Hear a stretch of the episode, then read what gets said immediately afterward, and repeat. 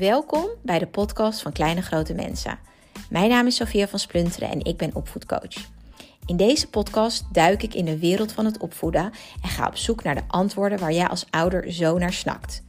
Waar doe je nu eigenlijk goed aan als ouder? En hoe zorg je ervoor dat je kind zich goed ontwikkelt? Luister mee voor de antwoorden die jij zoekt. In deze aflevering heb ik het over het Sinterklaasfeest. Hoe leuk en gezellig deze tijd ook is, voor veel kinderen is dit ook een hele stressvolle en spannende tijd. Vooral gevoelige kindjes kunnen hier last van hebben. Hoe zorg je nou dat het toch nog een leuke Sinterklaas wordt en hoe verminder je de stress bij je kind? Luister mee. De Sinterklaastijd. Voor heel veel mensen en kinderen lijkt het heel erg de gezelligste tijd, de meest knusse tijd van het jaar. De dagen worden donkerder, maar gelukkig is daar Sinterklaas in het vooruitzicht. En kunnen we schoentjes zetten, is er pakjesavond, liedjes zingen, naar de intocht kijken, Sinterklaasjournaal. En dit is ook allemaal heel erg leuk als jouw kind hier heel erg goed op gaat. Dan kan het een feest zijn wat je alleen maar hoeft te omarmen en waar je in kan springen als een warm bad. Maar dit geldt helaas niet voor ieder kind zo.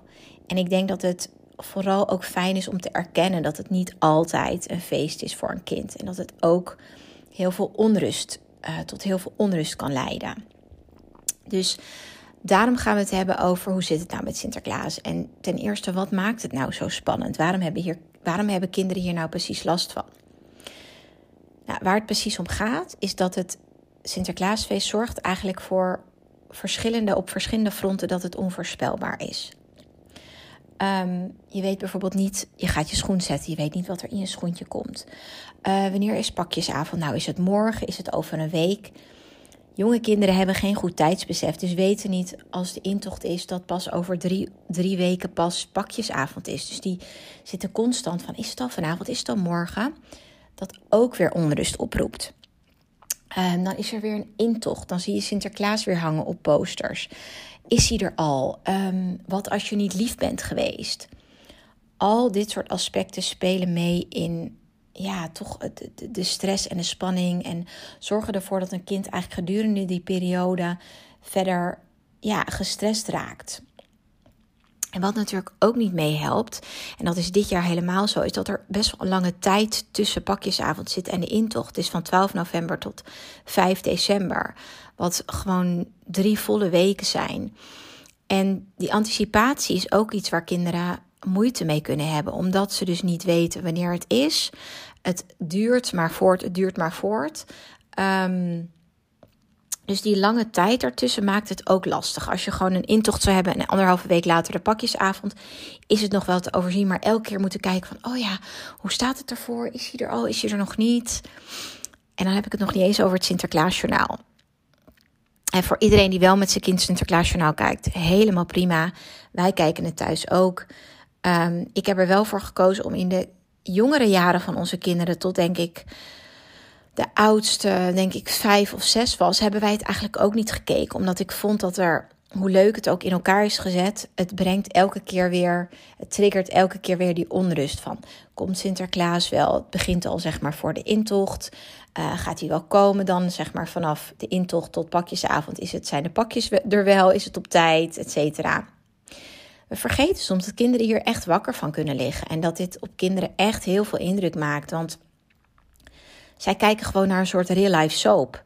En we hebben geen idee. Wij kunnen natuurlijk wel bagatelliseren en zeggen: joh, het komt goed, het komt goed. Maar je kind ziet het. Je kind slaat het op in zijn gedachten en gaat vervolgens slapen met al die vragen. Komt het wel goed?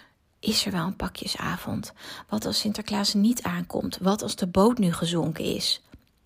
Wij kunnen helaas dit niet meer uit ons kind zijn hoofd praten. We kunnen er wel naar luisteren, we kunnen er wel proberen te gerust te stellen, maar op het moment dat je merkt dat je kind er heel erg mee bezig is, is mijn advies: kijk niet het Sinterklaasjournaal.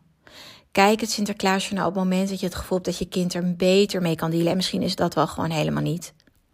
En het mooie is, je kind mist niks, want wat je kind niet weet, mist hij ook niet. En als jullie ervoor kiezen om het niet meer te kijken, is dat gewoon klaar. Dus realiseer je dat het voor kinderen. Kinderen kunnen natuurlijk fantasie en werkelijkheid niet scheiden. En voor hun is het gewoon 100% werkelijkheid, natuurlijk, Sinterklaas. En alles wat erbij komt kijken. Um, mensen hebben het er ook over. Hè? Misschien weet je wel dat sommige mensen of familie of zo wel eens zeggen als nou Sinterklaas is er, hè? Ben, je wel, ben je wel zoet geweest? Oh god, denk je kind, nou wat als ik nu stout ben, krijg ik dan nog wel mijn cadeau? Dus we, we moeten sowieso, vind ik, niet meer dat moraliserende aan de Sint plakken van ben je stout geweest of ben je, heb je goed gedragen. Koppel dat niet aan het gedrag van je kind, want dat maakt dat je kind zich niet meer vrijuit kan bewegen. Dat hij zich misschien zijn gedrag gaat opkroppen. Dat hij op school bijvoorbeeld heel erg braaf probeert te zijn. En dan op thuis er alles eraan komt, uitkomt. Wees er gewoon uh, object, of, uh, luchtig over. In de zin van, we, we, koppelen niet, als je zoet bent krijg je cadeautjes. En als je stout bent, niet. Sinterklaas is er gewoon voor iedereen. Het, hoeft, het is niet de boosdoener die straf komt uitdelen of die cadeautjes niet gaat geven. En wat erbij komt is dat we heel vaak dreigen met Sint. Maar uiteindelijk geven we toch wel toe. En ons kind krijgt echt wel zijn cadeautjes op pakjesavond. Ik ken weinig ouders die dat doorzetten. Dus in feite breng je jezelf dan ook een beetje in discrediet. En ook de straffen die je geeft of het dreigen waar je mee begint. Je kind weet dan al, oh nee, het gaat toch niet gebeuren, want ik krijg mijn cadeautjes. Dus is het eigenlijk voor niks geweest. En ook het nadeel aan dreigen is dat je kind ook ehm, geen leuke associatie krijgt ermee. En wat moet je doen als Sinterklaas is afgelopen? Weet je, dan moet je weer iets nieuws uh, beginnen om mee te dreigen. Dus ik ben sowieso niet voor dreigen of voor straffen, et cetera. Maar helemaal niet met Sinterklaas, want dan breng je ook een negatieve lading op Sinterklaas überhaupt. Als soort van boze man die heel streng is en die straf gaat uitdelen. En waarbij je maar lief moet zijn, anders kom je niet, uh, kom je niet aan je cadeaus. Dat is een hele nare boodschap en ook een associatie die ook uh, ja, stress met zich meebrengt. Nu we weten waarom Sinterklaas zo stressvol kan zijn, is het goed om te bedenken: wat kunnen we er dan aan doen? Het allerbelangrijkste is uiteindelijk dat je zelf voor jezelf kiest en voor je gezin en voor je kind om te kijken: hé, hey, dit feest is er, allemaal leuk en aardig. De tradities zijn er, de rituelen zijn er, maar is dat eigenlijk wel iets wat bij ons past? Is dat eigenlijk wel iets wat wij willen doen? Is dat wel hoe wij het willen doen? Is dat wel wat fijn voelt voor ons en voor ons kind? het is eigenlijk niks belangrijkers dan dicht bij jezelf blijven en je eigen feest creëren. En je kan Sinterklaas nemen als uitgangspunt van nou, dat vieren we, maar je kan het helemaal zelf invullen. En je hoeft helemaal niet te denken van nou, wat doen die mensen, wat doen die mensen, oh zij doen het wel. Ehm, wij doen het gewoon op onze manier. En ik zie steeds meer en meer ouders die echt ervoor kiezen om hun eigen regels te bepalen. En om niet pakjesavond te vieren 5 december, maar om bijvoorbeeld pakjesavond naar voren te halen. Vanwege die anticipatie, vanwege die lange spanningsboog, vanwege die stress, dat je kind niet goed slaapt, dat hij vroeg wakker is, dat hij driftbuien krijgt, dat hij continu overprikkeld is. Dat hou je niet drie weken vol. Dat is voor niemand leuk. Dus je kan ervoor kiezen om pakjesavond naar voren te halen. Je kan er zelfs voor kiezen om een pakjesmiddag te doen, zodat je ook niet het hele weekend zit te wachten op de laatste avond van het weekend om het uiteindelijk te vieren. En overdag brengt natuurlijk sowieso al wat minder stress met zich mee. Hè? S'avonds is het natuurlijk al wat spannender. Misschien komt, wordt aan de deur gebeld of komt de stak voor de deur. En in de middag is het gewoon klaar kan je gewoon opstaan, ontbijten en dan heb je gewoon de middag en dan is het gewoon voor je kinderen minder spannend. Nou, daarnaast heb je natuurlijk de keuzes om naar alle intochten te gaan. Ik sprak gisteren een vriendin en die zei: Wij gaan gewoon niet naar de intocht, want we kijken hem op tv, dat vinden ze superleuk, maar we hoeven er niet heen. We hoeven niet naar Sinterklaas die in het winkelcentrum komt of um, de Pietermiddag op de hockeyclub misschien houden we het gewoon bij eh, de intocht op tv kijken. En dan komt hij op school of op de opvang. Dat is dan uh, genoeg. Dus ga heel erg zorgvuldig eigenlijk kijken van nou, wat staat er allemaal op de planning en waar willen we eigenlijk aan meedoen. Dus pakjesavond heb je, kan je invloed op uitoefenen. Het aantal events dat je naartoe gaat. Het Sinterklaasjournaal kan je niet kijken.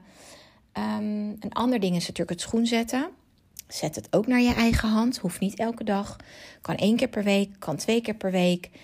Um, wij hebben besloten dit jaar om ook overdag nu schoen te zetten. We hebben het nu twee keer gedaan, s'avonds. En de kinderen waren gewoon vroeg wakker en al helemaal hyper.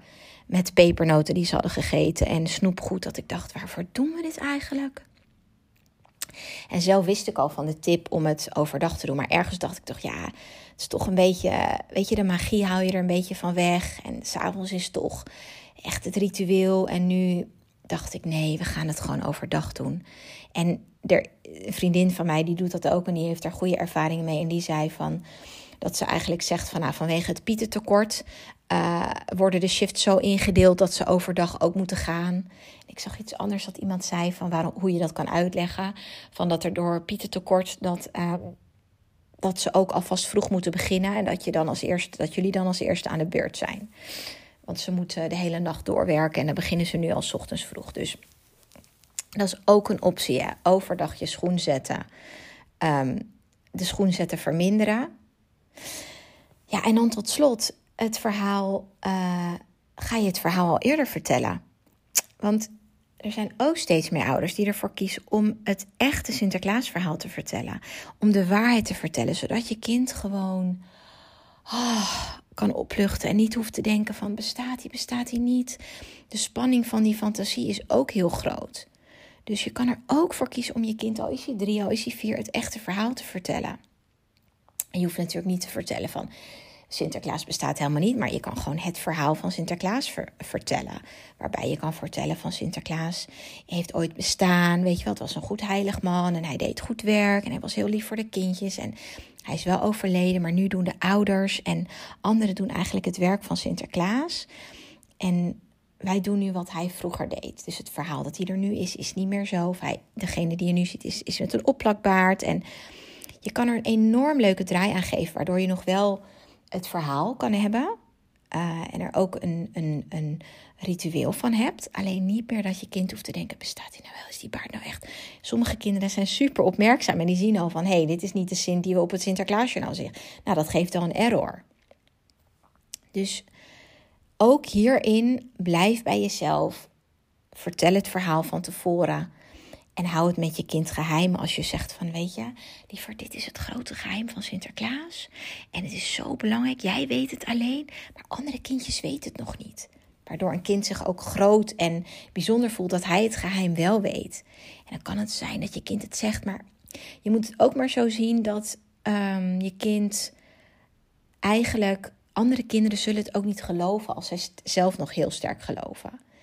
Dus maak er een ritueel van met je kind. Maak het leuk. Er zijn ook boeken die je kan kopen. Volgens mij het, het geheim van Sinterklaas of zo. En dan kan je dat samen met je kind een boek lezen. En het leuke ervan intact houden. Alleen dan haal je de spanning eruit. En tot slot, wat nou als je je niet goed voelt bij het liegen tegen je kind? Er komen ook steeds meer ouders die vragen van joh, ik vind het eigenlijk niet fijn. Het voelt niet goed om te liegen tegen mijn kind. Ik leer mijn kind dat liegen niet mag. En vervolgens lig ik de hele boel bij elkaar.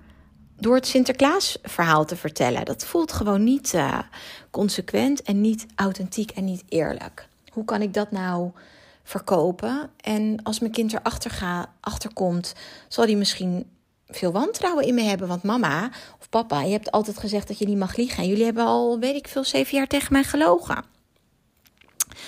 Nou, nu zal ik hierover zeggen, ik heb hier geen mening over in de zin van dat dit beter is of dat is beter. Ik heb er een klein gewoon onderzoek naar gedaan, gekeken van joh, wat wordt er nou over gezegd en wat is nou goed en wat is nou niet goed. Als je het bekijkt vanuit onderzoek, er is geen onderzoek dat uitwijst dat het Sinterklaasverhaal vertellen, dat dat een vertrouwensbreuk maakt tussen jou en je kind. Kinderen die ook met het Sinterklaasverhaal zijn opgegroeid, hebben niet minder geloof in hun ouders vanwege dat. Omdat ze achteraf ook voelen van hé, hey, dit is een verhaal wat je aan jonge kinderen vertelt. Het is niet moedwillig liegen geweest. Het is een verhaal wat erbij hoort. Het is iets wat veel plezier heeft gebracht. En dit is iets wat alle ouders doen, of de meeste. Dus als je bang bent dat het gaat zorgen voor een breuk tussen jou en je kind, wees daar niet bang voor. In de gevallen dat dat wel zo is geweest, is er, is er al iets eerder getriggerd geweest. En kan Sinterklaas een soort van extra bevestiging zijn van zie je nou, mijn ouders liegen altijd tegen me. Maar het, het, het is bijna nooit een reden dat ouder en kind echt tegenover elkaar komen te staan en dat dat een eh, enorme kloof geeft. Dat neemt niet weg dat het voor jou in jouw huis, als jij voelt van hé, hey, we zijn heel erg ook op dat liggen en dat is echt een ding waar we veel over praten. Als dat een ding is wat bijvoorbeeld je kind wel eens doet en je, je hebt daar een heel uh, regels over en je doet het dan vervolgens zelf. Kan ik me voorstellen dat je denkt, ja, dan moeten we dit ook niet willen. Maar weet dus dat dit vooral een reden moet zijn als het voor jou gewoon niet goed voelt. Als het niet goed voelt in je gezin, als het niet authentiek voelt, als het niet eerlijk voelt, dat je er dan voor kan kiezen om gewoon het verhaal te vertellen. En ook dan kan je ervoor kiezen om het via dat verhaal te vertellen, via het boek van volgens mij Het Geheim van Sinterklaas, waarbij je nog wel de mystiek in stand houdt en het mysterie nog wel um, hoog houdt, zeg maar. Dus je hoeft niet meteen uh, de, de roze bril af te doen. En hier is de realiteit. Want kinderen houden gewoon ook van fantasie en leven echt nog in een fantasiewereld. Dus dat kan je prima doen. En er zijn een aantal, ik weet in ieder geval dat iemand op Instagram die heet uh, een beetje hippie. Zij heeft daar onder andere een blog over geschreven en zij deelt daar ook over van hoe zij dat aanpakt. Dus dat is heel inspirerend. Voor mezelf ik uh, hou me wel vast aan het Sinterklaasverhaal tot zover ze dat kunnen. En op het moment dat ze vragen beginnen te stellen, wat nu bij onze oudste zo is, dan laat ik haar er zelf eigenlijk achter komen van joh, wat denk je zelf? Weet je wel, oh oké, je hebt gehoord dat hij niet bestaat. Nou, wat, wat denk jij daarover? En uh, zou dat kunnen? Dus dat we niet per se verplicht zijn om de antwoorden te geven. Tenzij je merkt dat je kind er echt tegenaan loopt. Van jeetje, ik weet het niet en ik zit ermee. En dan, dan zou ik hem wel helpen. Maar als het gewoon een enkele keer is van bestaat hij, kan je gewoon antwoord geven en zeggen: wat denk jij? Dus Laat je kind er ook zelf achter komen. Want ieder kind doet dit in zijn eigen tempo. En er is ook niet een leeftijd waarop ineens je kind uit die droom gehaald moet worden. Ik bedoel, mijn kind is nu acht. Iedereen in haar klas gelooft nog, zij ook. En ik weet dat het volgend jaar is het sowieso voorbij. Maar als zij nu nog geloven, prima, weet je, fijn. En ze hoort ook wel eens dat hij niet bestaat, maar ze kiest ervoor om te geloven. Dus dat is ook gewoon prima en helemaal goed belangrijkste is dat jij dingen doet die voor jou goed voelen. En voor jouw gezin en met je partner dat je dat besluit en gaat kijken, hé, hey, wat willen wij voor ons gezin? Want op het moment dat we dingen gaan doen die voor onszelf niet goed voelen, dan gaat het ook voor ons kind niet goed voelen. Dus blijf vooral bij jezelf is de belangrijkste boodschap.